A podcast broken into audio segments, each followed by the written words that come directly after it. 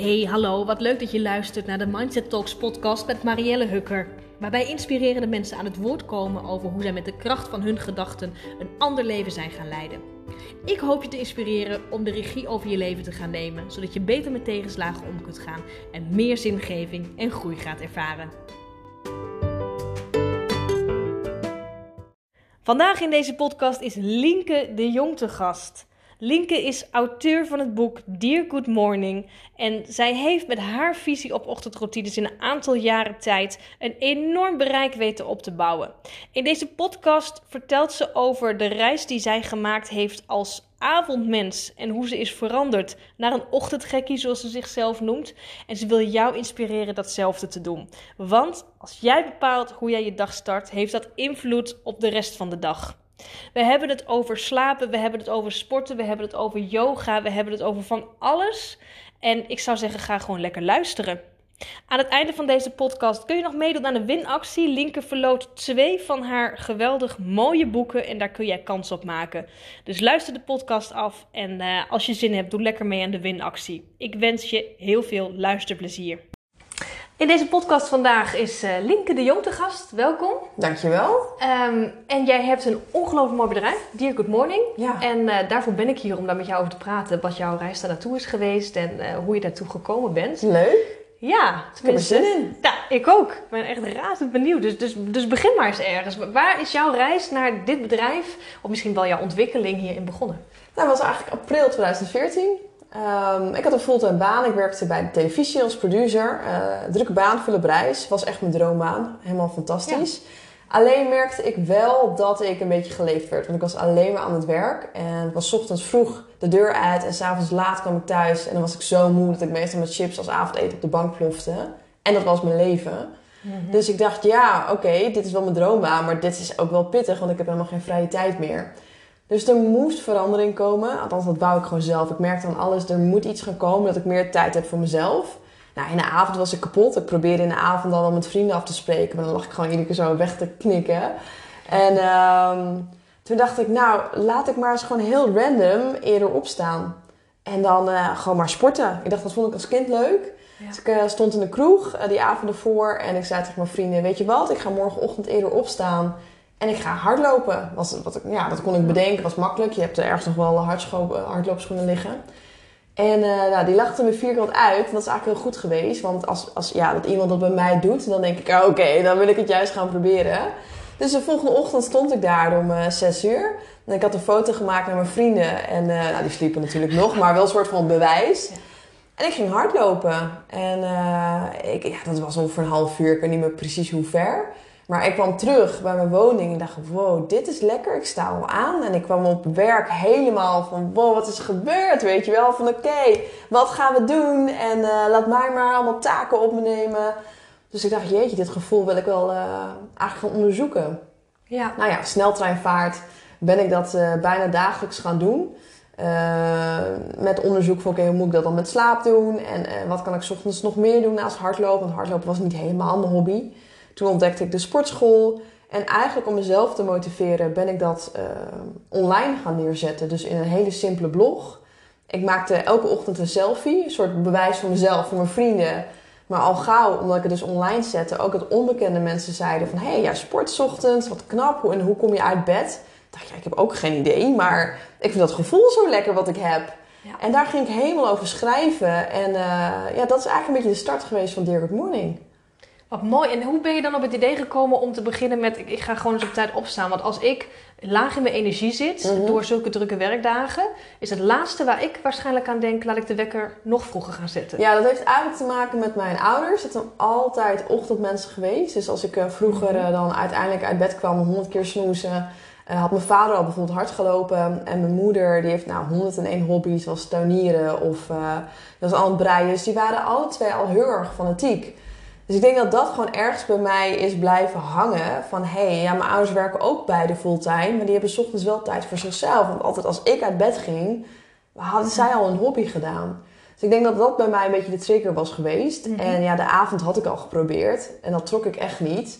Dus er moest verandering komen. Dus of ja, ik ging stoppen met werken, maar dat vond ik fantastisch leuk. Ja, dan kom je al gauw uh, op de ochtend. Ja, en het was ook niet zeg maar zo dat ik dacht, dat ga ik voor altijd doen. Nee. En ik dacht, één ochtend kan ik wel proberen. Dat is niet zo erg. En ik moest sowieso wel eens heel vroeg uit bed eh, voor mijn werk. Dus uh, ja, dat was gewoon meer van ach, één ochtendje, ik ga het proberen. Lachen, weet je wel. Ook voor mijn vrienden grappig, omdat ik dat zei. Nee, ik had nooit Ja. verwacht dat ik daar mijn werk zou eh, van maken. Nee. nee, wanneer kwam dat moment dat je dacht: hé, hey, dit is. eh, we maken nu trouwens wel een paar sprongen vooruit, dus we pakken hem zo weer terug. Maar wat is op op een gegeven moment voor jou het moment geweest dat je dacht: hé, hey, hier, hier ga ik gewoon mijn werk van maken? Dit is zo leuk, ik kan hier Ja. zoveel mensen mee inspireren. Nou, dat was denk ik... mm, kijk, in april 2016 is het mijn fulltime baan geworden. Dus er zit dan ongeveer... eh, nou, er zit precies twee jaar tussen. En in 2015 toen merkte ik eigenlijk al van... hé, hey, het groeit zo hard. Steeds meer onbekende mensen beginnen me te volgen. Die lezen mijn blogs. Voorheen was het alleen mijn moeder en nu in één keer onbekende mensen. Ehm, of mensen die om mij om tips vroegen. En dat merkte ik al vooral ook op mijn werk. Dat ik een beetje werd gezien als, als de fit girl, de ochtendgekkie. Ik ging daar ook bootcamplessen geven. Ik heb helemaal geen sportopleiding. Maar die zeiden, ja, ja sport altijd 's ochtends. Ja. Wil je misschien ons ook in beweging brengen? Nou, inmiddels had ik natuurlijk zelf een beetje ervaring. En via YouTube en dat soort dingen bedacht ik allemaal circuitjes. Ehm, dus ik werd steeds meer gezien als een soort van ochtendexpert. En dat vond ik echt super leuk. Ik had eigenlijk een beetje mijn eigen ding gecreëerd. Ja. Ja, en op een gegeven moment dan merk je, dat was denk ik ja, 2015 of misschien eind 2014, dat er ook wel wat bedrijven naar me toe kwamen van hé, je hebt een bepaald bereik. Vind het misschien leuk om over ons product te schrijven? Nou, ik was helemaal, oh my god, ik krijg gratis schoenen, weet je wel. En eh, dat was toen helemaal nog, eh, ja, ik weet nog zo goed dat ik voor het eerst schoenen kreeg. Volgens mij was dat van Nike. Nou, ik, mijn ouders ben ik zou nooit zulke dure schoenen kopen, weet je wel. En ik kreeg ze gewoon gratis in ruil voor een foto. Wist ik veel wat het allemaal waard was en zo. Ehm, en op een gegeven moment had je ook wel bedrijven die zeiden: hey, wil je voor een paar honderd euro misschien een artikel schrijven of zo. Dus toen merkte ik in één keer: hey, er, zit, ja, er zit een soort van business in. Ja. En dat vond ik heel erg interessant. En ik ben sowieso wel ondernemend type. En ik ben ook afgestudeerd eh, deels als ondernemer. Hè? Hoe maak je je eigen business? Dus vanuit daar dacht ik, ik ga dit, eh, ik ga dit verder onderzoeken om er wellicht wel mijn werk van te maken. Eh, het werd gewoon steeds drukker en ik kreeg steeds zoveel meer passie dat ik dacht, dit, dit wil ik gewoon mijn hele leven blijven doen. Dus ik was heel erg van, oh ja, shit, tv maken vind ik geweldig. Maar wat ik nu doe naast mijn werk, wat eigenlijk ook al bijna fulltime is, vind ik ook geweldig. En die vrijheid. Ja, op een gegeven moment dacht ik, oké, eh, als ik het nu niet, nou ja, nooit ga proberen, dan zal ik het nooit weten.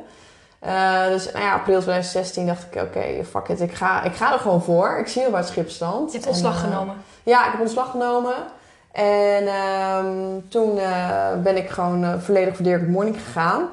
En gelukkig had ik al een soort van buffertje opgebouwd. ehm, door gewoon de opdrachten die ik al had. Plus daarnaast ook nog gewoon fulltime werken. Ja. En dat vond ik gewoon eh, het, lastigste en het engst. Van oké, maar wat nou als het niet lukt? Maar ja, tot nu toe eh, is het alleen maar stijgende lijn. Dus ik, eh, ja, we zijn vijf jaar verder. Dat is een hele goede stap geweest. Dat is een hele goede stap geweest. Ik zou Ja. het nooit meer anders willen. Ja. Nou, en nu denk ik ook, ja, ik ben nu 30. En dan denk ik, jezus, ik ben nog zo jong. En Ja. dat ik toen al besloot van, nou, ik ga voor mezelf. En dan, als ik die foto's zie, want ik ben heel goed, volgens mij maakte ik toen best wel vaak video's. Dan in een video vertel ik, eh, ik heb ontslag genomen, ik ga voor mezelf beginnen. En als ik dat dan terugzie, denk ik, oh, wat was ik daar jong, oh, dat ik dat durfde. Ja, dat vind ik wel heel tof om terug te zien. Wat gaaf. Ja, vind ik heel tof om te zien. Wat gaaf. Ja, Even terug naar 2014, want daar, Ja. heb je, daar ben je natuurlijk voor het eerst begonnen met, met hardlopen. Wanneer ja. merkte jij voor het eerst een wat langer effect dan alleen die, die eerste boost die je waarschijnlijk krijgt? Hè? Je hebt hard gelopen Mhm. En het voelt lekker. Maar vervolgens, als jij iedere ochtend die, die wekker gaat zetten, ik bedoel, dat zul je op het moment ook nog wel eens ervaren. Mhm. Dat je gewoon nog moe wakker wordt en denkt, ik heb eigenlijk geen zin in. En honderdduizend Ja. redenen bedenkt om het vooral niet te gaan doen. Ja. Wanneer werd het voor jou echt zo'n gewoonte dat je dacht, nou, dit, eh, dit, dit is iets wat ik gewoon wil blijven doen voor, mez- voor mezelf op de eerste plaats? Ja, nou, dat was bij mij wel heel erg yo-yoen, omdat ik dus zelf echt geen idee had. Dus dat was bij mij best wel, ik ging echt van avondmens naar ochtendmens. En ik hield 0,0 rekening met mijn slaap. Dus ik had ook geen idee dat ik dan daarnaar moest kijken. Dus ik heb heel erg lopen yo-yoen in 2014 van super easy opstaan, want ik vond het super leuk en ik voelde me enthousiast. En ik wilde die selfie maken. Eh, naar inderdaad ochtend. Ik dacht, ja, maar ik heb maar drie uur geslapen. Hmm. Eh, want ik was nog laat met mijn mail eh, bezig. Dus ik kan niet opstaan. En dan deed ik het ook gewoon niet. Of ik pushte mezelf wel, omdat ik wist, hierna voel ik me heel erg chill. Maar toen merkte ik wel, er moet ook wel iets aan mijn levensstijl veranderen om dit te kunnen vol, uh, volhouden. Ja, precies. Dus toen ben ik eigenlijk ook wel echt met experts gaan praten. Uh, voornamelijk met uh, slaapwetenschappers. Van hé, hey, ja oké, ik wil s ochtends sporten, maar hoe moet ik dat eigenlijk met mijn slaap doen? En toen heb ik heel veel interviews gedaan. Heel veel, ja, een soort van zelfonderzoek gedaan. En toen kwam ik eigenlijk dus zelf bij een soort van stappenplan van oké, je moet eerst beter slapen. En daar allemaal tools voor. En dan vervolgens het eerder opstaan. Maar je kan niet ook ineens, als je altijd al tientallen jaren om acht uur opstaat, kan je niet in één keer om zes uur opstaan, elke dag en aanstaan. Want dan mis je in één keer twee uur lang hè, van wat je dan nog zou slapen. Dus ik ben dat heel erg gaan onderzoeken eigenlijk. En zo kwam ik dus bij vier stappen. Van eerst beter slapen, vervolgens eerder opstaan, maar dat dus heel langzaam opbouwen. En ik was dus heel sporadisch in één keer de twee of tweeënhalf uur eerder op gaan staan. Uh, dan vervolgens dat stukje bewegen. Wat is er mogelijk op de vroege morgen en wat werkt voor je lichaam? Mhm. En vervolgens dat stukje dus motivatie. Dat vooral ook wel tussen je oren zit. Uh, ja. Als jij gewoon 1 tot en met 3 goed hebt. Ja, dat stukje 4 is nog eigenlijk het grootste probleem. Is dat mensen altijd zeggen, ik kan het niet of het is niks voor mij. Um, en wat ik dus nu, ik doe dus nu dit al vijf jaar. Uh, ik heb nou, denk ik drie, 400 mensen geïnterviewd en heel veel experts gesproken. En het erg is eigenlijk, we worden elke ochtend wakker en onze eerste gedachte is negatief. We zeggen, oh nee, we, hebben, we zijn weer moe, we hebben kort geslapen. Dat hebben we onszelf aangeleerd en dat is gewoon, en dat, dat vind ik heel heftig. En toen ik me daar heel erg op ging focussen, dacht ik, ja, dat doe ik ook. Iedere keer als zodra mijn wekker ging, was het echt zo, oh nee, nu al? Mhm. En dat ging ik loslaten. Dus ik leerde echt mezelf aan, oké, elke morgen zeg je gelijk, yes, ik ga ervoor. En dan ga ik uit bed stappen en dan mag ik best voelen van, oh, ik ben moe. Want natuurlijk, ik slaap ook altijd prima, maar uh, niet altijd goed. Maar dat ik dan, dan pas ga voelen ik me voel. En niet terwijl ik in bed lig en de wekker gaat. En dat was voor mij wel ook een hele eye-opener geweest. Dat ik heel erg van het jojo ging naar in één keer drie uur eerder opstaan, noem maar op. Naar in één keer, hé, hey, oké, er zijn allemaal theorieën. Als ik dat nou eens ga uitproberen, mijn slaap onder de loep neem, vooral iets met mijn mindset ga doen. Uh, ja, toen merkte ik van, hé, hey, ja, het gaat eigenlijk heel erg goed. En uh, vooral ook als je kijkt naar jonge moeders. We slapen allemaal vreselijk kort of hè, dat je s'nachts wakker ligt. En toch sta je altijd naast je bed. Dus je lichaam kan heel veel hebben. Dus je hoeft niet eerst perfect te slapen. En toen ik dat eigenlijk allemaal en accepteerde en doorhad... Uh, ging het bij mij heel erg snel. En uit onderzoek blijkt ook dat je 66 dagen nodig hebt, gemiddeld, om iets nieuws aan te leren. Dus daarom zeg ik nu ook zelf tegen mensen: als je begint met eerder opstaan, uh, neem dan voor jezelf 66 dagen. Heb dan een soort van stappenplan, dus met dat beter slapen, eerder opstaan in stapjes.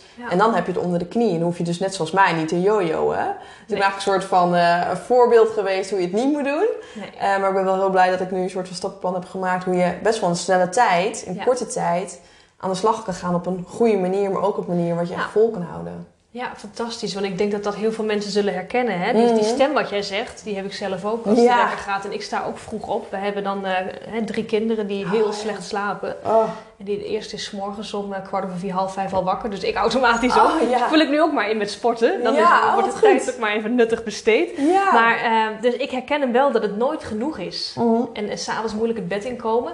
Maar jij bent dus op een gegeven moment mensen gaan interviewen hiervoor. Veel mensen gaan interviewen. En was dat ook meer vanuit uh, dus jouw eigen proces, ik wil hier meer van weten? En had dat dan te maken met meer van slaap willen weten? Of, of meer ook, ik wil gewoon beter in mijn vel overall zitten? Nou, ik was met dat laatste niet zozeer bezig, maar dat kwam er wel automatisch bij. Ik ben gewoon heel nuchter. Ik had zoiets van, ja, oké, ik wil gewoon heldere stappen hebben, dat ik weet dat ik het gewoon goed doe en dat ik meer uit mijn leven haal. Ja. Um, dus ik merkte, ja, voor mezelf was ik gewoon uh, meer op zoek naar informatie.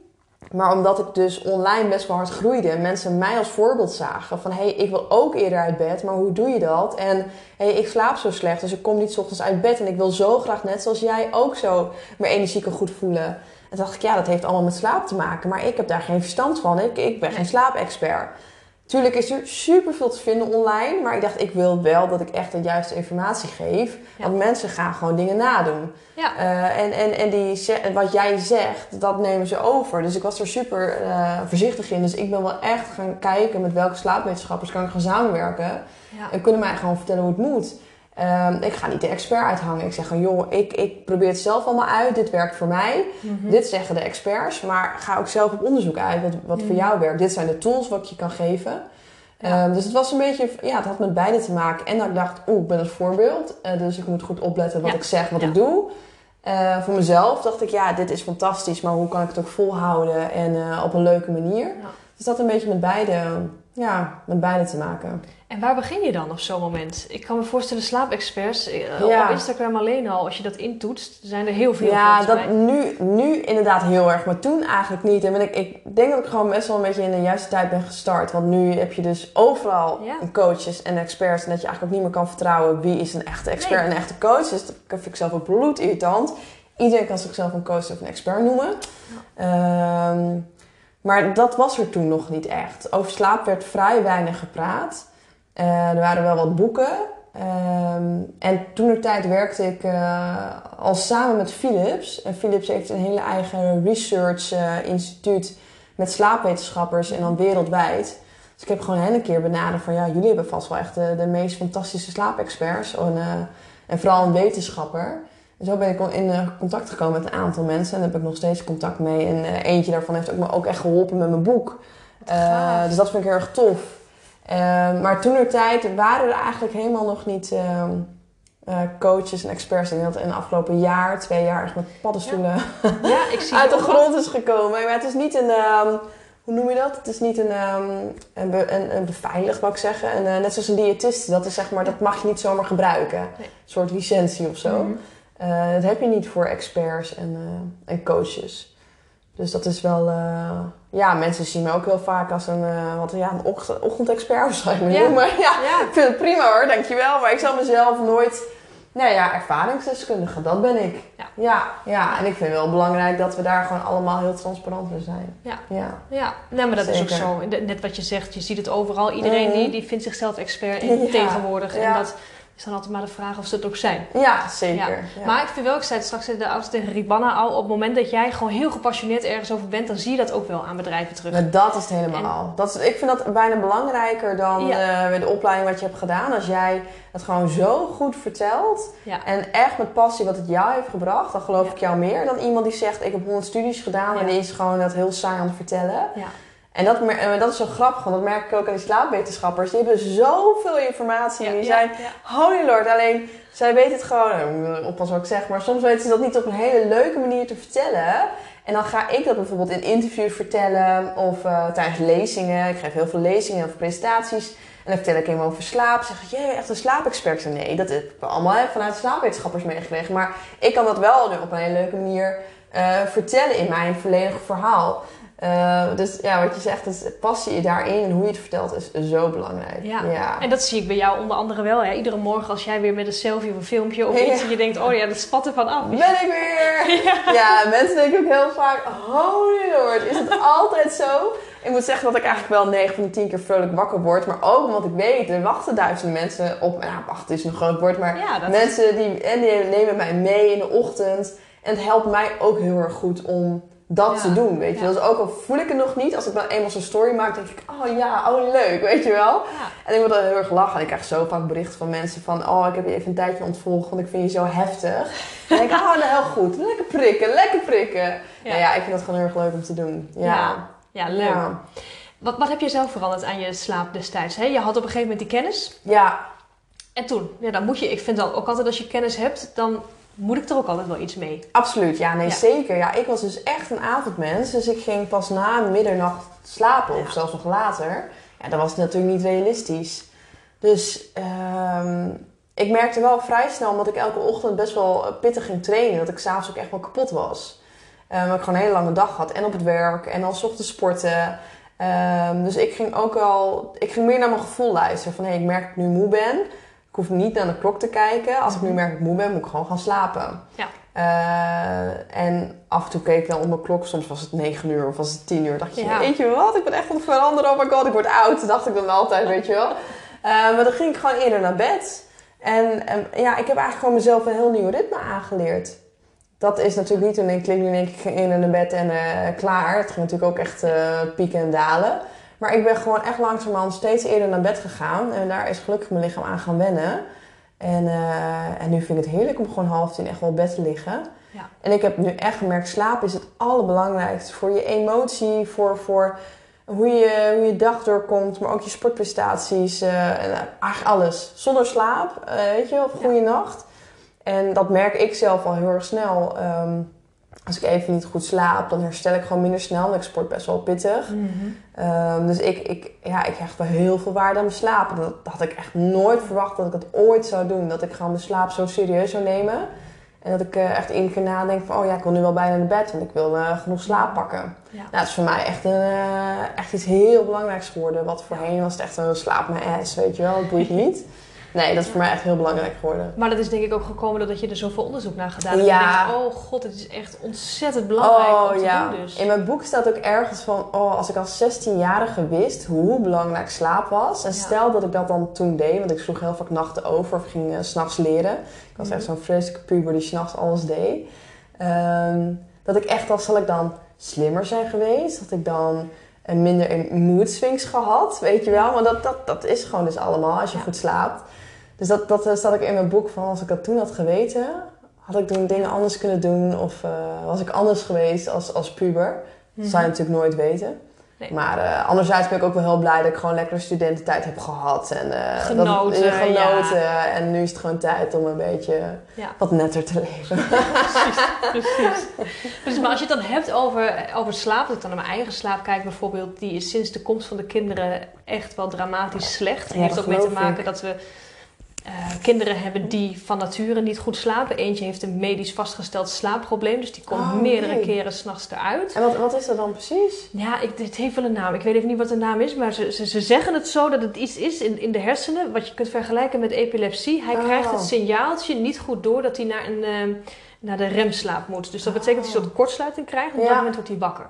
En dan voelt voor hem alsof hij uit bed valt. Oh. Dat gevoel dat heb je zelf ook wel eens. Ja. Als je sluit ineens Ja, schrik je ja, dan, ja, hè? nou, dat heeft hij, iedere slaapcyclus, die duurt bij hem precies 39 minuten, heeft hij dat gevoeld. Dan krijgt hij medicijnen voor iets geremd, maar eh, je kunt het niet, eh, die, die medicijnen werken niet 8 of 9 uur lang of zo. Dus dat is dan even, die, de eerste fase gaat het goed en de tweede fase heb je dat gedonde weer. Oh, wat heftig. Ja, dat is heftig, maar ik ben wel benieuwd, want er zullen vast meer mensen zijn. Zoals Banna heeft ook kinderen die heel slecht slapen. Ik ben wel benieuwd, wat, wat zou jij adviseren aan, aan mensen zoals ons, waarvan dat gewoon ja, al in de basis niet, niet goed is? Niet omdat Ja. het een vrijwillige keuze is, maar omdat dat min of meer ja, ons ook een beetje overkomen is. Nou, kinderen wegbrengen. Nee, nee. Dat is wel een goeie, ja. Ja.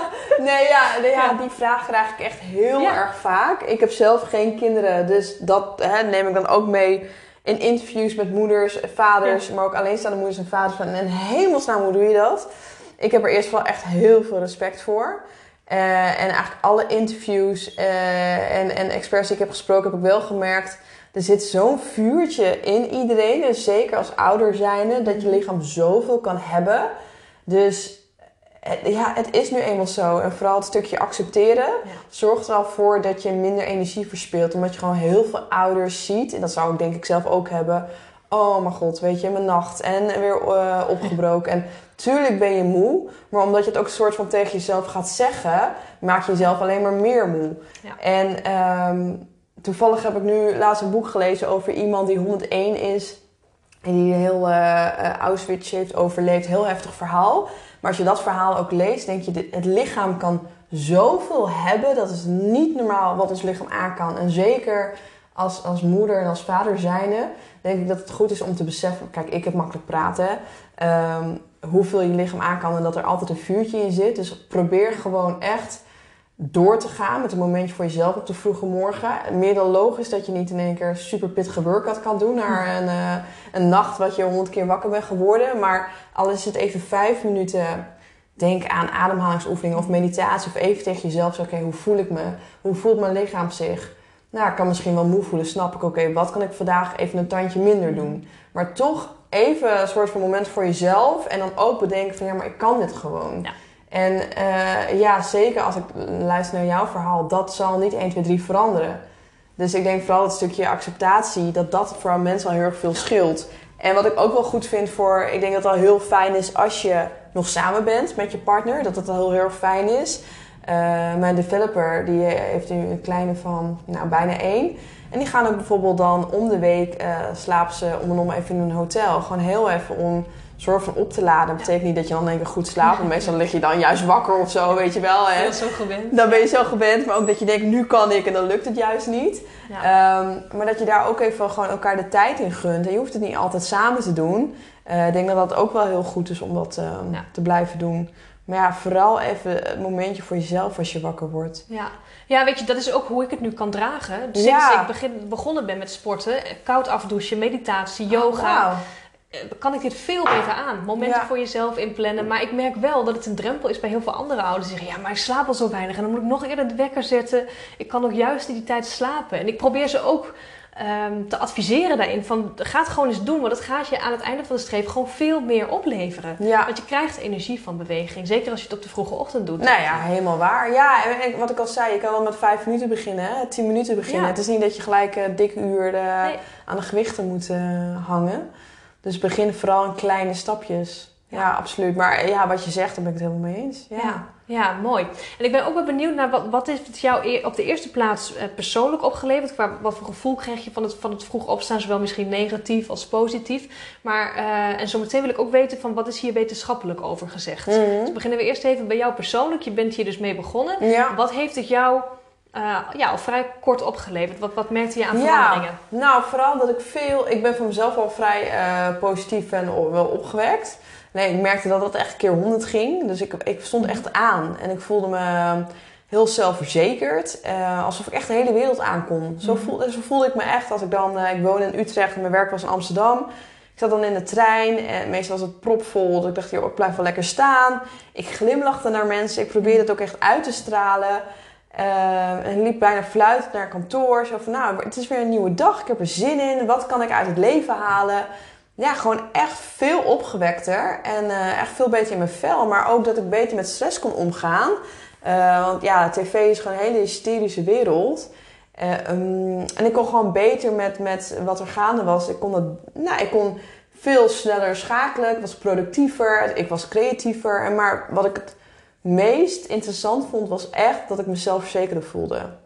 En uh, ik was niet zozeer heel onzeker, maar ik merkte echt, ik stond echt veel meer mijn mannetje.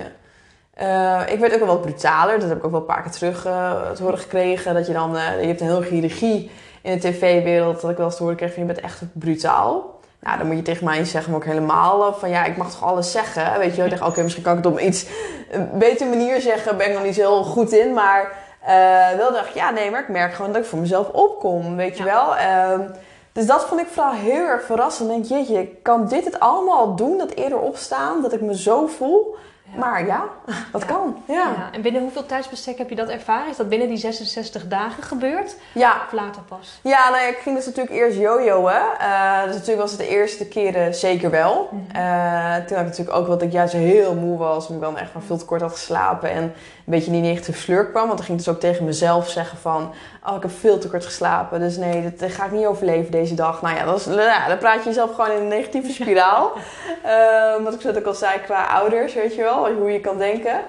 Dus het ging bij mij heel erg uh, op en neer. Maar al vrij snel dat ik dacht van wow, nee, ik moet me echt vasthouden aan dat ik weet hoe ik me kan voelen na uh, zo'n workout, na zo'n ochtend. Dus het was ook heel erg, ook al was ik heel moe, dat ik dacht als ik even niet dat moment ga voelen, dan ga ik niet een hele toffe, goede dag hebben. Dus wat ik nu ook heel vaak zeg, het is een soort van gezonde, verslaafde, drugsachtig iets. Mhm. Dat je denkt, je weet hoe het voelt. Dus ik ga het maar weer gewoon doen om dat gevoel weer te hebben. Ja. Dus daar moet je wel mentaal sterk voor zijn, denk ik. Want ja. je, je, voelt je daarnaast, naast dat je dat gevoel heel graag wil hebben, op dat moment voel je je nog niet zo. Nee, klopt. Nee, dat is ook zeker zo. Maar ik merkte wel vrij snel dat ik bijvoorbeeld allemaal sportkleren aandeed. En dan zat ik in mijn hoofd nog van, oh, misschien moet ik het niet doen. Deed ik ondertussen toch mijn sportkleren aan. En dat gaf me al een soort van dopamine shot van, hé, hey, het is me gelukt. Ja, en dat stukje gaf me motivatie. En zei van ja, zo net had ik dat ons echt niet gedaan. Dus ik krijg continu van die gelukstofjes naar me toe van hé, hey, I did it. Oh, ik loop nu ook echt de deur uit. Oh, ik ga nu echt sporten. En dan dacht ik, nou, dan doe ik een hele lichte workout. Maar dan had ik al zoveel mm. dopamine in mijn lichaam van enthousiasme, dat ik in één keer ook een hele toffe, goede workout ging doen. Dus het zijn eigenlijk allemaal van die mini-successen, wat ervoor zorgt dat je zo'n boost krijgt. Uh, en dat kan je eigenlijk wel heel vrij, vrij snel creëren. En dat is ook altijd wat ik zeg tegen mensen. Als je heel bewust uit bed stapt en dan echt tegen je soort van jezelf al zegt: ik ben gewoon eerder opgestaan. Het is me gewoon gelukt. En dat al letterlijk beseft als je je voeten naast je bed hebt, dan krijg je al een soort van dopamine in je. En een soort van je eerste beloning. Ja, als je eerste doel al bereikt. Ja, maar Ja. heel vaak ja, het, het- staan mensen daar gewoon niet bij stil. Nee. En net zoals met wat ik zei met die eerste gedachte. Als jij zodra de wekker gaat en je zegt gelijk, yes, ik ga ervoor. En ik doe dat nog steeds echt gewoon hardop, zeg ik Mhm. dat altijd. Dat, dat zorgt al dat er al iets gebeurt ehm, met Ja. mij. Ja, dus het kan al een hele simpele verandering zijn voor mensen qua ja. mindset. Om ervoor te zorgen dat Absoluut. ze andere dingen gaan doen. Ja, maar het is, vooral, ja, het is gewoon vooral dat, dat we daar niet meer bij stilstaan. Dus we denken, oké, pas na het sporten ga ik wellicht die endorfine voelen, ga ik me goed voelen. En dan zijn we alleen maar daarop gefocust, wat natuurlijk al supergoed is als je dat doet. Alleen je mist wel even het hele traject ervoor. Hallo, je bent eerder uit bed gegaan. Ja. Hoe supergoed is dat? Ja. Je hebt je sportkleren aangedaan. Wow, je hebt toch besloten om ook echt de deur uit te gaan. Je had eh, ieder moment dat je kunnen zeggen, ik doe het niet, ik ga op de bank zitten. Ja. Ja. Dus dat, ja, dat zijn zoveel goede dingen. En dan denk ik van, oh, wat zonde eigenlijk dat we dat eigenlijk nooit zo hebben beseft. Ja. En dat, en dat probeer ik wel ook nu steeds met Dear Good Morning echt te vertellen. Eh, ik ben zeg maar een soort van mis schouderklopje. Dat Ja. zat ook in mijn boek eh, van geef jezelf schouderklopjes. Maar dat werkt gewoon echt, want Ja. je voelt, eh, je voelt het schouderklopje, je voelt het echt. En ik moest altijd heel erg lachen als ik dat deed. En ik kan, ja, met mezelf vind ik het gewoon leuk om dat soort dingen te doen. Voor de spiegel ga ik doen en die schouderklopjes. Maar het werkt gewoon echt. Ja. En, en dat doe ik nu ook heel veel als ik gewoon uit bed stap. Gewoon even een schouderklopje.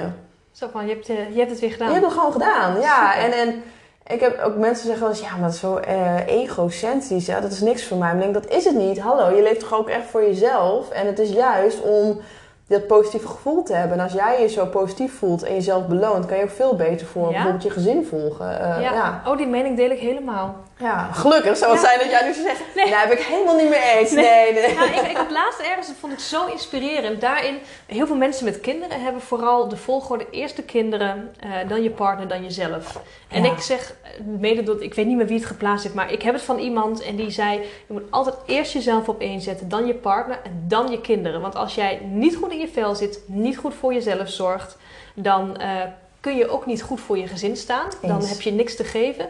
Als je met je partner vervolgens ook geen front of team kunt vormen, dan hebben je kinderen daar ook niet heel veel aan. En als je je kinderen op de laatste plaats zet, dan, dan hebben ze gewoon al een heel fijn fundament. Ja, ja, ik ben het mee eens. en is- sindsdien deel ik die. En dan zeg Ja. ik dat wel eens tegen mensen: hoe kun je kinderen nou op de laatste plaats zetten? Zeg, ja, weet je, als het huis in de brand staat, zal ik ze als eerste redden. Dat zal ik dus. Ik niet denken, ik sta buiten. Oh ja, ik, had ook, ik heb ook nog kinderen. En dan, ik zal ze als eerste redden. Maar als het, als het aankomt op zelfzorg, en dat hebben mijn kinderen ook van, van heel jongs af aan al geleerd. Mama heeft s'morgens een uur de tijd voor zichzelf nodig. Mag je me niet storen, tenzij eh, er iets is. Maar je gaat niet voor een Lego-blokje die verkeerd zit, eh, mij uit mijn Ja. routine trekken.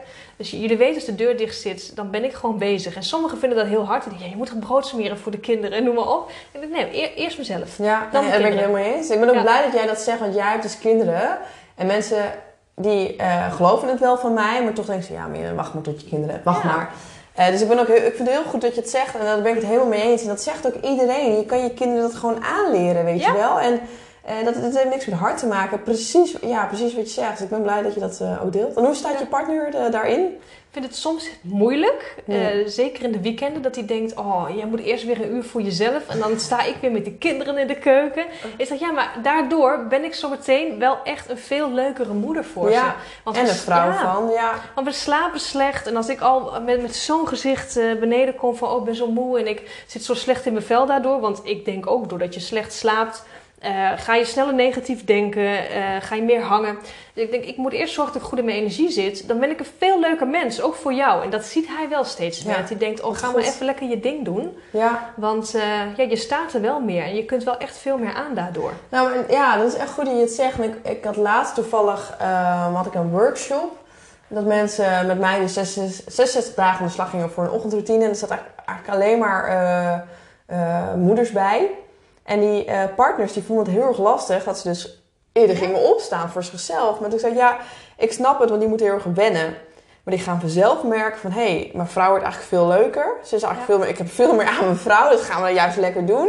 Alleen die verandering voor je omgeving, dat is meestal het lastigste. Ja. Waardoor ook mensen stoppen. Want ik heb ook vaak genoeg te horen gekregen dat hun partner het echt niet oké vond. Of dat die partner zei, jeetje, maar je maakt me wakker. Want hey, ik kan nog een uur slapen en dan word ik wakker van je wekker. Of eh, Ja. ja, dan hoor ik je naar beneden gaan en lig ik weer alleen maar ik, ik, ik, weet je wel. Maar dan denk ik, dit is, hoe mooi is het dat jouw vrouw of je partner denkt van... hé, hey, ik ga voor mezelf. En dat kan natuurlijk ook andersom, hè. We hebben natuurlijk nu toevallig even over vrouwen. Maar ja, dat vind ik wel... eh, vind ik, ja, je omgeving heeft het zwaarst eigenlijk om Ja. te wennen aan zo'n verandering. Maar Ja. eh, Maar die krijg je uiteindelijk wel mee. Wat ik laatst ergens Ja. las is, eh, is, is dat het voor een omgeving heel moeilijk is om donker te blijven. Op het moment dat de omgeving steeds lichter ja, wordt. nou, precies ik denk dat. ook dat dat zo is. Je moet gewoon het voorbeeld geven. Uiteindelijk gaan mensen volgen. En in het begin geeft het weerstand. Zonnestraaltje in huis ben je. Echt? Ja. dat, ik vind het heel belangrijk. Ja. Nee, daar ben ik helemaal mee eens. Ja, Ja. mooi, wat goed. ja. Ah, heel tof. Ja. Nou, jij bent eigenlijk gewoon Dear Good Morning.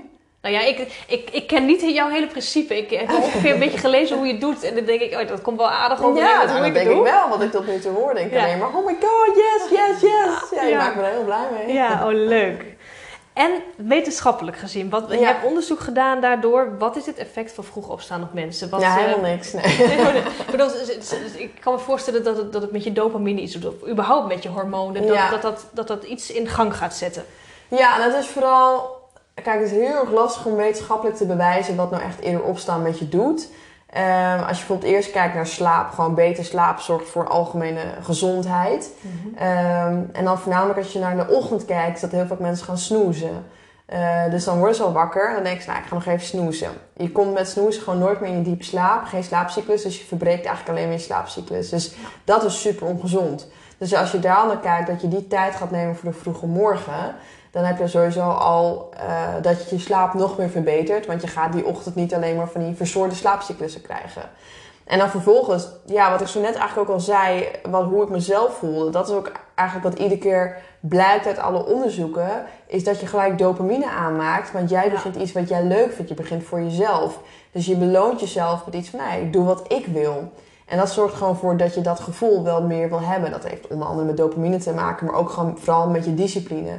Want dat merkt, dat je geeft je lichaam een gevoel, hé, hey, ik heb heel veel discipline, want ik ga eerder uit bed, ik ga sporten, ik kies voor mezelf. Mhm. En vooral in deze maatschappij is het voor jezelf kiezen, voor jezelf starten heel erg lastig. Want de hele maatschappij is gericht op dat mensen voor de maatschappij werken. Je staat op, want de Ja. maatschappij zegt, hé, hey, we zijn een ochtendmaatschappij, je moet om acht uur op je werk zijn. Ja. Eh, en je werkt voor ons. Eh, of voor je gezin. Ehm, en eigenlijk al, als je kijkt naar alle... eh, kijk, alle, maar over het algemeen bijna alle mensen moet ik zeggen... die eh, een succesvolle carrière hebben... die helemaal happy zijn, die gelukkig zijn... die zichzelf helemaal ontwikkeld hebben... beginnen met de dag voor hunzelf. Dus die beginnen met sporten, maar ook vooral met meditatie. Een combinatie van een momentje voor jezelf in bewegen... als in bewustwording, hoe voel ik me? Wat, Ja. wat wil ik uitstralen? Wie ben ik? En dat is wel wat heel erg gebleken is uit eigenlijk alle onderzoeken. Dat van dat stukje dopamine, stukje do- dopamine, maar vooral eh, dat je veel meer gaat voelen wat, je, wat jij belangrijk vindt. En als jij wakker wordt en je bent dus gelijk voor je kinderen, die hebben slecht geslapen, die zijn aan het huilen. Dus je komt een beetje in de Ja, sleur. joh. Ja. En, ja, je alles van? al, ja. Ja, begin je al snauwend eh alles op. Ja, nou, of wat ik heel vaak had, was bijvoorbeeld dat ik allemaal, eh, dat ik gelijk mijn mail opende en dan had ik nog mailtjes van mijn, van mijn opdrachtgever van s'nachts, die dan ook nog aan het werk was, weet je, omdat het zo druk was. Ja. Dus ik was, werd gelijk negatief en ik had niet meer, ik kon niet meer voelen wat ik belangrijk vond of waar ik die dag voor stond. Dus ik ging veel meer dus weer eh, leven voor het, in, ja, het regime bijna. Ja. Ehm, en als je juist gewoon echt voor jezelf begint, dan kan je veel meer gaan voelen wa- wat je lichaam vraagt, wat je lichaam wil en wat jij wil. En dat zorgt er automatisch voor dat je beter in je vel gaat zitten.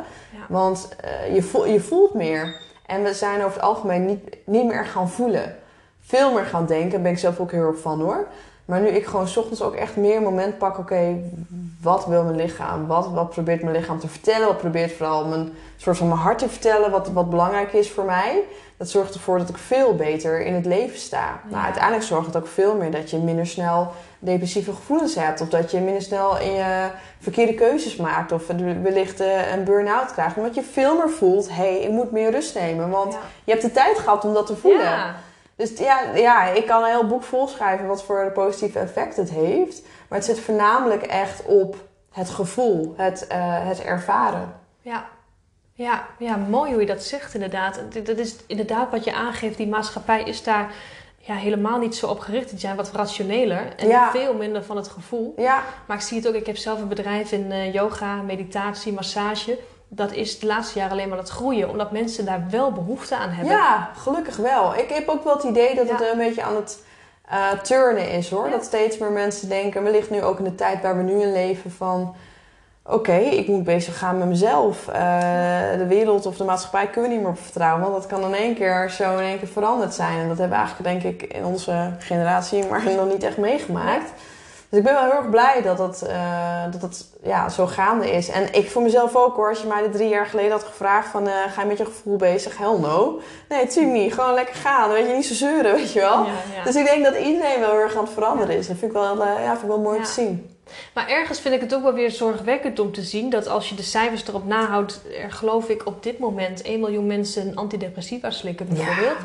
Uh, en, en de maatschappij alleen maar ongezonder aan het worden is. Je zou eigenlijk zeggen, als het zo simpel is als dit, waarom doet niet iedereen dit? Nou, dat is wat ik ook me eigenlijk bijna dagelijks afvraag.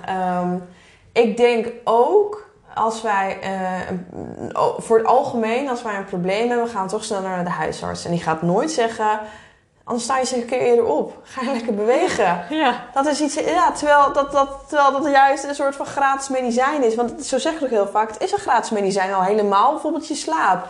Maar ze wordt gelijk gekeken, oké, wat kan je nemen? Ja. Hè? En dan denk ik, oh ja, dat is, maar daar gaat het ook steeds meer over in de maatschappij waar we nu in leven. Van, we moeten kijken naar wat we zelf kunnen doen. Want ons lichaam kan zoveel. Ja. Dus eigenlijk zouden echt doktoren, waar je ook bent, je zit ergens mee, zouden echt moeten zeggen Ga eens een keer s ochtends, ga eens even wandelen. Begin daarmee. Ja. En ga opschrijven wat je voelt. Uh, begin met een kwartiertje. Uh, hier bijvoorbeeld wat meditaties. En ik denk dat je daar echt al, wellicht al de helft mee uh, kan verminderen. Ja, ik denk het ook. Het verbaast me gewoon waar, waarom dit gewoon niet een standaard ja, is. Waarom eens. dit gewoon niet geadviseerd wordt. Ja, en ik denk ook wel steeds meer met... Kijk, ik word er ook wel steeds wat harder in. Want uh, voorheen was ik wel iets dat ik dacht van... ook oh, moet oppassen met wat ik zeg. Want wellicht kan niet iedereen op, ieder opstaan. Um, en ik word nu ook wel steeds harder. Nee, ja, iedereen moet opstaan. Iedereen moet op een gegeven moment uit bed, omdat diegene wat te doen heeft. Tenzij je, nou ja, andere verhalen. Maar over het algemeen moet iedereen naar bed en die moet beginnen. Waarom dan niet vijf tot tien minuten eerder om even het momentje voor jezelf te pakken? En dan krijg je heel vaak van mensen die zeggen: Ik kan het niet. Dat denk je, ja, dat is dus echt tussen je oren. Of ze zeggen: Ik ben avondmensen. Uh, ik ben een avondmens. Dan denk ik, nou, dat is top, want dat was ik vroeger ook. Maar uh, de ochtend duurt er 12 uur. Ik zeg dus niet dat je om 5 uur uit bed moet. Ik zeg niet dat je om 8 uur uit bed moet. Als je altijd pas om 10 uur uit bed gaat, omdat je een avondmens ja, bent, precies. dan kan je ook om 9 uur uit bed gaan of om half 10 uit bed gaan. Maar, maar het gaat om dat stukje. Ja, start je start de dag. Ja, ja. En maar mensen denken gelijk, oh, dus ik moet weer om 5 uur opstaan. Oh, dus ik moet uh, mijn hele nacht overslaan. Nee, dat, dat, dat zegt niemand. Nee. We zeggen alleen maar wat jij ook zegt, pak dat momentje voor jezelf.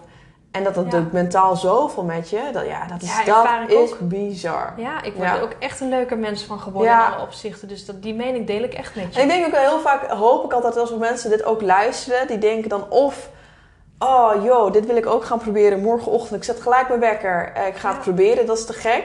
Maar je hebt ook een groep die denkt, sorry, maar dit is allemaal zo overdreven. Oh, dit en dat. Maar wel dat ik denk ja, maar probeer het alsjeblieft. Want het, ik kan het ook zeg maar, ja, het voelt wel oké. weet je wel? Maar het is gewoon echt zo. Maar je merkt het alleen als je, als je het gaat doen. En als je dan bijvoorbeeld weer vergelijkt met medicatie. Je slikt een pil en je voelt het gelijk. Maar kon ik het maar met de ochtend? Kon ik je maar een soort van ja. ochtend de morning pill geven? Dat je alles wat ik voel, dat je dat kan voelen. En dat je denkt, oké, ik geloof het, ik ga het doen. Dus ja, ik denk, ja, het is gewoon jammer. Mensen zitten vooral zichzelf in de weg. Ja. En ik denk ook dat dat een maatschappij is dat we nergens echt meer voor willen werken. We zitten zo in een maatschappij waarin alles geautomatiseerd wordt, alles steeds makkelijker gemaakt wordt. Ah, dat zou een beetje lui zijn, ja?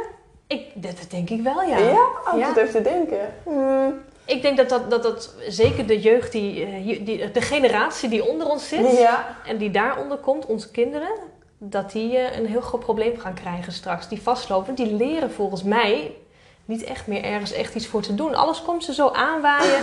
Ouders zijn aan het pamperen. Ik zie het op school al. Oh, wauw. Ja, daar heb ik natuurlijk geen ervaring meer mee. Maar je merkt wel natuurlijk dat hele techniek en, uh, en alles. Uh, ik ben, ja, ben wel benieuwd. De generaties die worden allemaal vloggers, denk ik. Allemaal TikTokkers. Ja. kijk bijvoorbeeld als het alleen al op daten aankomt. Vroeger moest je oh, ja. ergens naartoe. En dan moest je op iemand afstappen en dan moest je fysieke gesprek hebben. Tegenwoordig swipe je.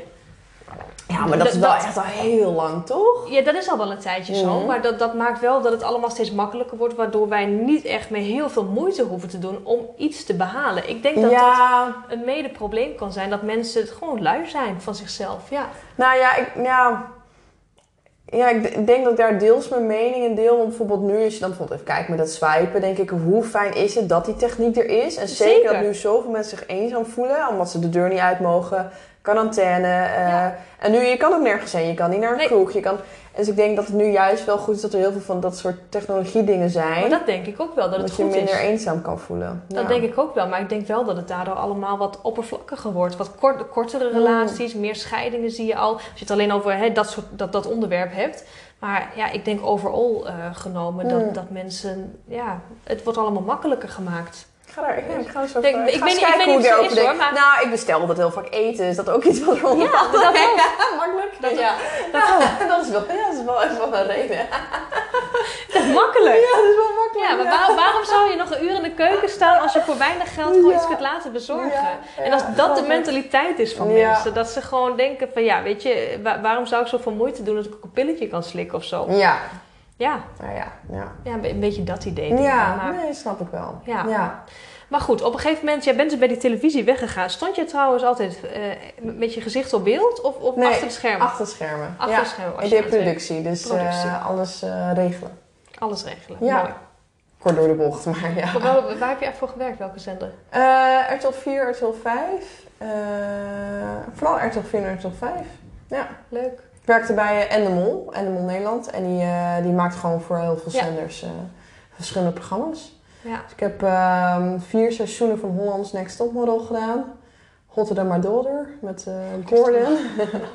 Veel studioprogramma's. Ja, in Suriname een soort eh, dating jungle programma. Van alles wat. Ja. Ja, heel, heel breed. Ik kan me indenken dat dat ook niet een baan is die je heel snel opzij zet. Omdat het misschien wel een harde Ja. wereld is waar je in zit. Ja, ik, nou, ik moet zeggen, ik wou altijd wou ik bij tv werken. Dat sta ik denk ik vanaf mijn twaalfde al. Ja. Van ik wil dingen regelen bij de televisie. Ja, heel apart eigenlijk. Ik had niet zo'n idee eh, wat ik wou, maar gewoon ik wil regelen bij de televisie. Dus ehm, toen wou ik eerst aan de filmacademie. Maar dacht ik, ja, dat is de film op film gericht. Ik wil juist televisie maken. En toen kwam ik op de HKU, Hogeschool voor de Kunsten. Mhm. Toen heb ik kunst en economie gedaan, gericht op eh, nieuwe media. Dus toen ben ik eigenlijk in mijn derde jaar eh, stage gelopen bij Endemol. En ik moest gelijk voor zes weken naar Turkije voor een eh, programma. Dus dat was echt heel pittig. Maar toen leerde ik zoveel. Toen dacht ik, ja, dit is het. Dit is helemaal... Eh toen had ik ook mijn tattoo laten zitten, Live the Dream. Dat ik, ik wil bij de tv werken en, en dat, daar ga ik gewoon voor. Ja. En toen, toen mocht ik eigenlijk al gelijk blijven werken. Dus ik heb mijn vierde jaar en fulltime gewerkt en afgestudeerd. Ja. Dat was even aanpoten, maar het was wel te doen. Dus, en toen ben ik eigenlijk gelijk ja, mijn diploma... Ik ben nog heel goed, toen maakte bij Holland's Next Topmodel. En toen moest ik mijn diploma ophalen. Zij waren al in New York voor die opnames. Toen ben ik gewoon eh, na mijn diploma-uitreiking gelijk naar New York gevlogen... om gelijk weer door te gaan met de productie.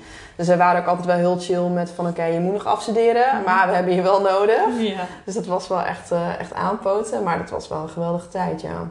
En nog steeds, het is wel grappig, want voor Dear Good Morning maak ik ook wel producties. Dus wij maken wel eens eh, video's. Eh, ik heb mijn eigen Wipeout-serie Mhm. gemaakt.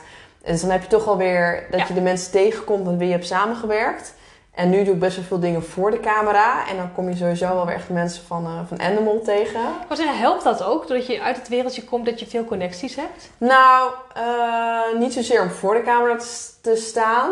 Maar wel ehm, dat mensen het heel fijn vinden omdat ik dan het wereldje snap. Dus vooral voor eh, live uitzendingen of live dingen. Dat ze snappen, ja, Marlienke snapt de techniek erachter. Die snapt de productie, hoe het moet, hoe het eruit ziet. En dan is het gewoon wel heel fijn samenwerken.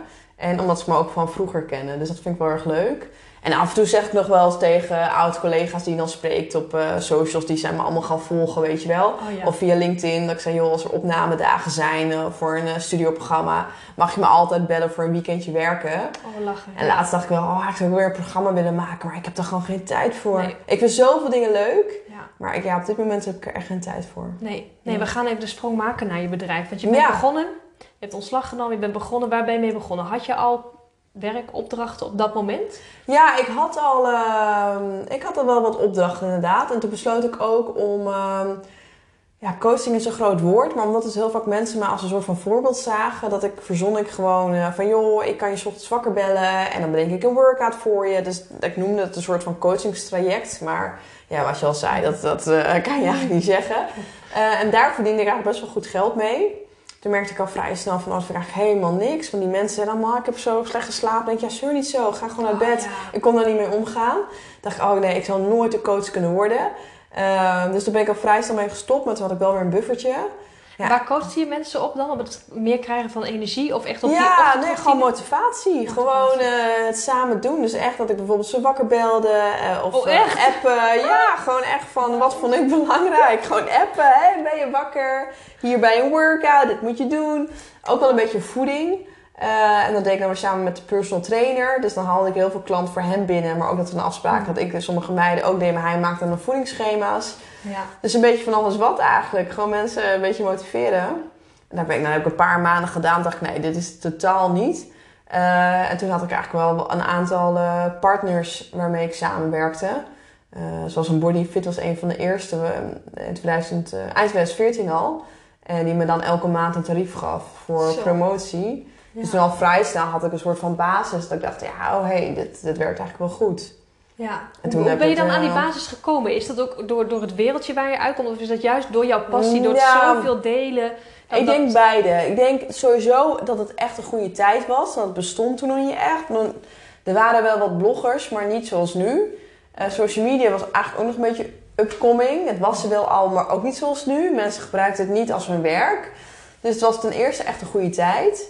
Hm. Ik kwam al best wel snel in het wereldje van de andere bloggers. Eh, dus als we opdrachten kregen, gingen we dat onderling ook verdelen. Eh, al heel veel, ja, vrij snel kwamen er wat events. Ja, ik kan best wel goed netwerken. Maar ook wel inderdaad vanaf van mijn werk. Die dan bijvoorbeeld stopte bij tv eh, en voor, weet ik veel, een bedrijf gingen werken. En zeiden, hey Lien, je hebt nu een groot bereik, wil je dit doen? Ja. Dus ik denk een beetje van beide wat. Ehm, echt, ja, ook wel echt een goede tijd geweest. Want bloggers kon je wel echt op een hand tellen. Ja, Ja. dat is tegenwoordig wel anders. Maar Ja. dat bereik had jij dan vooral op Instagram of ook LinkedIn, Facebook? Nou, eh, voornamelijk mijn website liep toen echt heel erg goed. Eh, ja, en Instagram. Facebook deed ik ook wel, maar ik had er minder mee. Dus het was voornamelijk mijn website en dan eh, Instagram. Ja. Instagram. ja. En op je website verkocht je daar dan ook al eh, specifiek dingen? Dat mensen op een knopje kunnen Mm, drukken? Of wat maakt dat je zegt, nee. gewoon die website eh, die werd gewoon veel Ja, bezocht? vooral echt blogs. Ik was heel persoonlijk altijd aan het schrijven. Dus hoe persoonlijker, hoe, hoe beter. Ja. Op een gegeven moment ontdekte ik al vrij snel affiliate. Dus als je op een linkje klikt, dat mensen geld verdienen. Of dat ik geld verdien als ze iets kopen. Ja. Dus daar was ik heel erg goed in. Eh, om dat zeg maar zo te verstoppen of te zeggen, joh, klik hier, want dit is een superleuk product. Of dan oké, welk product bedoelt ze? Oh, wat dus leuk. Ik, dus ik had er dat soort dingen vrij snel door. En dat gaf ook wel inkomsten. Ehm, ja, ik deed wel sporadisch eh, events. Dus ik had één keer per jaar eh, een heel groot ontbijt-event. Op een Mhm. rondvaartboot deed ik dat wel eens. En betaalden dan mensen een klein bedrag voor. En ik regelde gewoon dat het hele event gesponsord was. Dat ik dan Mhm. zelf de inkomsten kreeg. Ik heb wel eens hoodies verkocht. Gewoon dat soort dingen. Het was niet dat ik er heel veel winst uit haalde. Maar ik verzon wel wat dingen. Dat, dat inkomsten een beetje kwamen. Maar ik was nooit heel erg bezig met sales of zo. Nee. Ik deed echt, doe gewoon wat ik leuk vind. En lekker blogs maken. eh, 's ochtends sporten. En dan zie ik het wel. En dan vooral delen. Vooral delen. Ik denk dat dat uiteindelijk ook ervoor zorgde dat bedrijven steeds meer naar mij toe kwamen. Omdat ik 0,0 bezig was met sales. Alleen maar deed wat ik leuk vond. En dat vond een bedrijf juist heel erg leuk. En die zei ook altijd, kan je mij subtiel meenemen? Je hoeft echt niet zo met een flesje naast je hoofd te staan op een foto. En dat zou ik ook nooit doen. Ehm, dus ja, dat ik steeds meer samenwerking kreeg. En dan zei ik altijd, nou, ik ga niet voor één keer wat doen voor je. Dan gaan we wel gelijk een jaar lang samenwerken. Ja, daar was ik dan best wel brutaal in. Oh ja. Eh, en toen had ik al vrij snel vijf, zes partners ehm, voor een Ja. heel jaar. ja. En, dat was En verdiende je daar vooral met die affiliatie aan? Uh, ja, onder andere, maar ook gewoon uh, dat je gewoon uh, betaald krijgt om reclame te maken. Gewoon. Ik op een gegeven moment, toen ik had, wat had ik 3000 volgers op social media. Dat ik zei, ja, ik ga niet voor de, die schoenen waar ik dus eerst heel blij mee was. Ik ga niet alleen voor schoenen, ga ik even een foto maken. En daar ga ik wel ook voor betalen, weet je wel. Ik was best wel brutaal, maar ik dacht, ja, ik heb toch niks te verliezen. En zij willen mij. Ik hoef hen niet per se. Dus ik vroeg al vrij snel, nou, betaal maar een paar honderd euro. Dan maak ik wel een foto voor je. Ja. Uh, dat, dat ben ik vrij snel gaan doen, eigenlijk. Ja, uh, ja en dan, dan heb je best wel snel inkomsten. Ja. En ja, en ik woon in een klein studiootje in Amsterdam. Was ook niet zo heel duur. Um, dus ja, dat ging eigenlijk allemaal wel. Had je ook niet veel nodig? Nee. nee. nee. En had je op dat moment, toen je voor jezelf begon, een hele heldere visie waar je naartoe wilde? Nee, het enige wat ik zei is dat ik gewoon uh, de hele wereld een ochtendmens wilde maken. Nou, ik heb het nu iets kleiner gemaakt, maar laten we beginnen met Nederlands. Dus elke Nederlander een ochtendgekkie maken. Ja. Dat, was, dat was het enige wat ik zei. Ik wil gewoon echt doen wat ik leuk vind. En bij mezelf blijven. En dat is gewoon s ochtends mensen laten lachen. En mensen gewoon eerder uit bed halen. Mhm. En zolang ik dat kan blijven doen, is het goed. Ja, toen heb ik wel heel, echt heel veel zoektocht gedaan. Van, hoe moet ik dat dan doen? Moet het een blog worden? Moet ik uh, een cursus bedenken? Dat, dat is altijd een zoektocht geweest. Want er is heel veel mogelijk. De ochtend is zo breed, dus alles kan. En dat vond ik altijd heel erg moeilijk. Ja. En ik gewoon heel veel dingen leuk vind. Ja, ik wil toch mijn eigen tv-show. Of wil ik dan een radioprogramma? Hoe kan ik dat dan zelf gaan doen? Ja. Ging ik dan weer solliciteren bij de radio, weet je wel. Dus het was oh, allemaal heel... je alle kanten op. Alle kanten op. Uh, dus daar was ik heel goed in. Maar op een gegeven moment... In uh, eh, 2017 nam ik een soort van business coach. Uh, via via kwam ik bij haar en die zei: Je moet een keer met haar gaan praten. Ik dacht: Nou, hoeft niet, het is mijn bedrijf, weet je. Ik was zelf, nou goed, maar ik kreeg het cadeau van iemand. Ik dacht: Nou, moet ik wel met die vrouw gaan praten? Dus ik was ook heel bot tegen haar. Ik zei: Je hoeft maar niet te vertellen wat ik moet doen met Dear Good Morning. Ja, het is gewoon mijn kindje, dus dat was toen al helemaal uh, mijn alles. Mm -hmm. uh, maar op een gegeven moment kon ze een beetje door mijn muur prikken. En zei ze: ja, Ik wil alleen maar met je kijken wat de mogelijkheden zijn. Want volgens mij vind je heel veel dingen leuk, dus laten we dat gewoon in kaart brengen. Nou, toen dacht ik, oh, oké, oké, ze heeft het door. Dus ik heb bij haar ook echt uh, gelijk een 20 uh, uh, uren traject of zo bij haar afgenomen. En zij heeft me eigenlijk anderhalf jaar een beetje begeleiding gegeven. Um, en toen merkte ik wel, was het echt met pieken en dalen. Ik dacht, het is zo breed. Wat wil ik eigenlijk? Ja, waar word ik eigenlijk gelukkig van, weet je wel? En dan weer ochtends zo selfie maakte. Op een gegeven moment merkte ik ook dat ik daar niet meer heel erg enthousiast van werd. Ik dacht, nee, ik wil eigenlijk gewoon lekker sporten. Ik hoef niet meer, oh, dan moet hij zelf weer maken. En ik weet nog dat ik soms zo moeilijk deed in de spiegel met dan lukte die foto niet. dacht, ik wil eigenlijk een andere oh, positie maken. Ik dacht, ja, ik voel me eigenlijk een beetje te oud om zo op de foto te staan. Dus op, op, het had ook wel met mijn leeftijd te maken. Mm. En op een gegeven moment kreeg ik ook een relatie dat ik ook dacht van nou... Ja, ik wil gewoon lekker s ochtends samen starten. En hij was ook van sport en dan moet ik eerst nog zo... Eh, goedemorgen. Ja. Dus ik was gewoon heel erg zoekende. Um, en dat is denk ik ook wel een soort van als ondernemer een beetje soms uh, een valkuil. Je kan zoveel en er zijn zoveel toffe dingen. En dat je een beetje je visie verliest. En toen dacht ik, oké, nee, wat ik wil is gewoon mensen eerder uit bed halen. Wat kan ik daarvoor doen? En dat doe ik gewoon nog steeds per jaar, stapje voor stapje. Wat kan ik doen om mensen enthousiast te maken? Ja. En nu dus uh, gaan we echt een eigen platform creëren. Uh, waar mensen abonnement op gaan nemen, hopelijk. Uh, en dat je daar echt nog meer tips en tricks krijgt. Waar ik live ga. Andere mensen allemaal workouts gaan geven op de vroege morgen. Om echt met z'n allen daar een soort van... Uh, ja, noem je dat? Een soort van sportschool, lifestyle, school. Oh, om echt daar met z'n allen wakker te worden. Fantastisch. Maar goed, dat blijft ook altijd nog steeds... Dat, het blijft nog steeds altijd zoeken. Hè? Ik denk dat het met het ondernemen sowieso is. Dat is, ja. dat is een reis dat je elke keer weer een beetje bijstuurt. Ja. Ja, mooi. En wil je ook al iets over dat platform gaan vertellen verder? Ja, nee, ja zeker. ik denk wanneer jij het online gooit, dan is het dan één groot succes. nee, ik gooi hem denk, denk ik of het weekend of begin volgende week online. Want ik wil hem oh, heel even iets... Uh, nee, ja, superleuk. Bij, nee, ja, het platform dat heette Dear Good Morning Hub. Ik had de hub al op Facebook. Dat was een gesloten mm Facebookpagina. Want vorig jaar dacht ik, er moet nu iets komen. Omdat ik vanuit mijn boek ook heel veel vragen kreeg. Uh, dat mensen uh, ja, elkaar wouden spreken, maar ook van ik zoek iemand in Groningen met wie je kan sporten. Toen dacht ik, ja, uh, oké, okay, succes. Ja. Dus toen, ik had op Facebook had ik al een gesloten groep, meer dan duizend leden, liep super goed. maar toen dacht ik, ja, oké, okay, daar ga ik niks aan verdienen. En op Facebook zit ik zelf ook niet meer. Nee. En ik vond het heel erg moeilijk, want ik dacht, ik wil nooit geld vragen aan de mensen die me volgen. Want dat zijn gewoon mensen die net zoals ik ook eerder uit bed willen gaan. En daar ben ik super blij mee. En Good Morning was er nooit eh, een soort van als sales iets voor gemaakt. Was echt puur vanuit mijn passie. Dus ik denk dat het daarom ook zo lang heeft geduurd dat ik nu eindelijk een soort een stap durf te nemen. Ja. Eh, het is ook echt maar een paar euro per maand. Maar wel, ik dacht, dat moet echt een toegevoegde waarde zijn. Zelf ben ik dus altijd heel erg van krachtsport en van de hit. Mhm. Alleen mensen die vragen ook heel vaak aan mij... ja, ik wil eigenlijk gewoon yoga doen op de vroege Ja. morgen. En dat kon ik ze dan niet bieden. Eh, terwijl ik wel mijn visie heb, is dat iedereen energiek uit bed gaat. Dus nu op het platform wordt echt... eh, je kan er yoga-video's vinden, maar ook gewoon work, eh, mijn workout-video's, meditatie. Het is heel breed. Maar ook allemaal live sessies. Dus ik heb gewoon nu mensen om me heen verzameld die yoga kunnen geven. Volgende week hebben we aerobics. Ik ga zaterdag starten. We hebben on- een ontbijt live sessie. Dus ik heb gewoon echt mensen om me heen verzameld die dit met mij willen neerzetten. En het is eigenlijk gewoon heel software dat je ook met elkaar kan kletsen.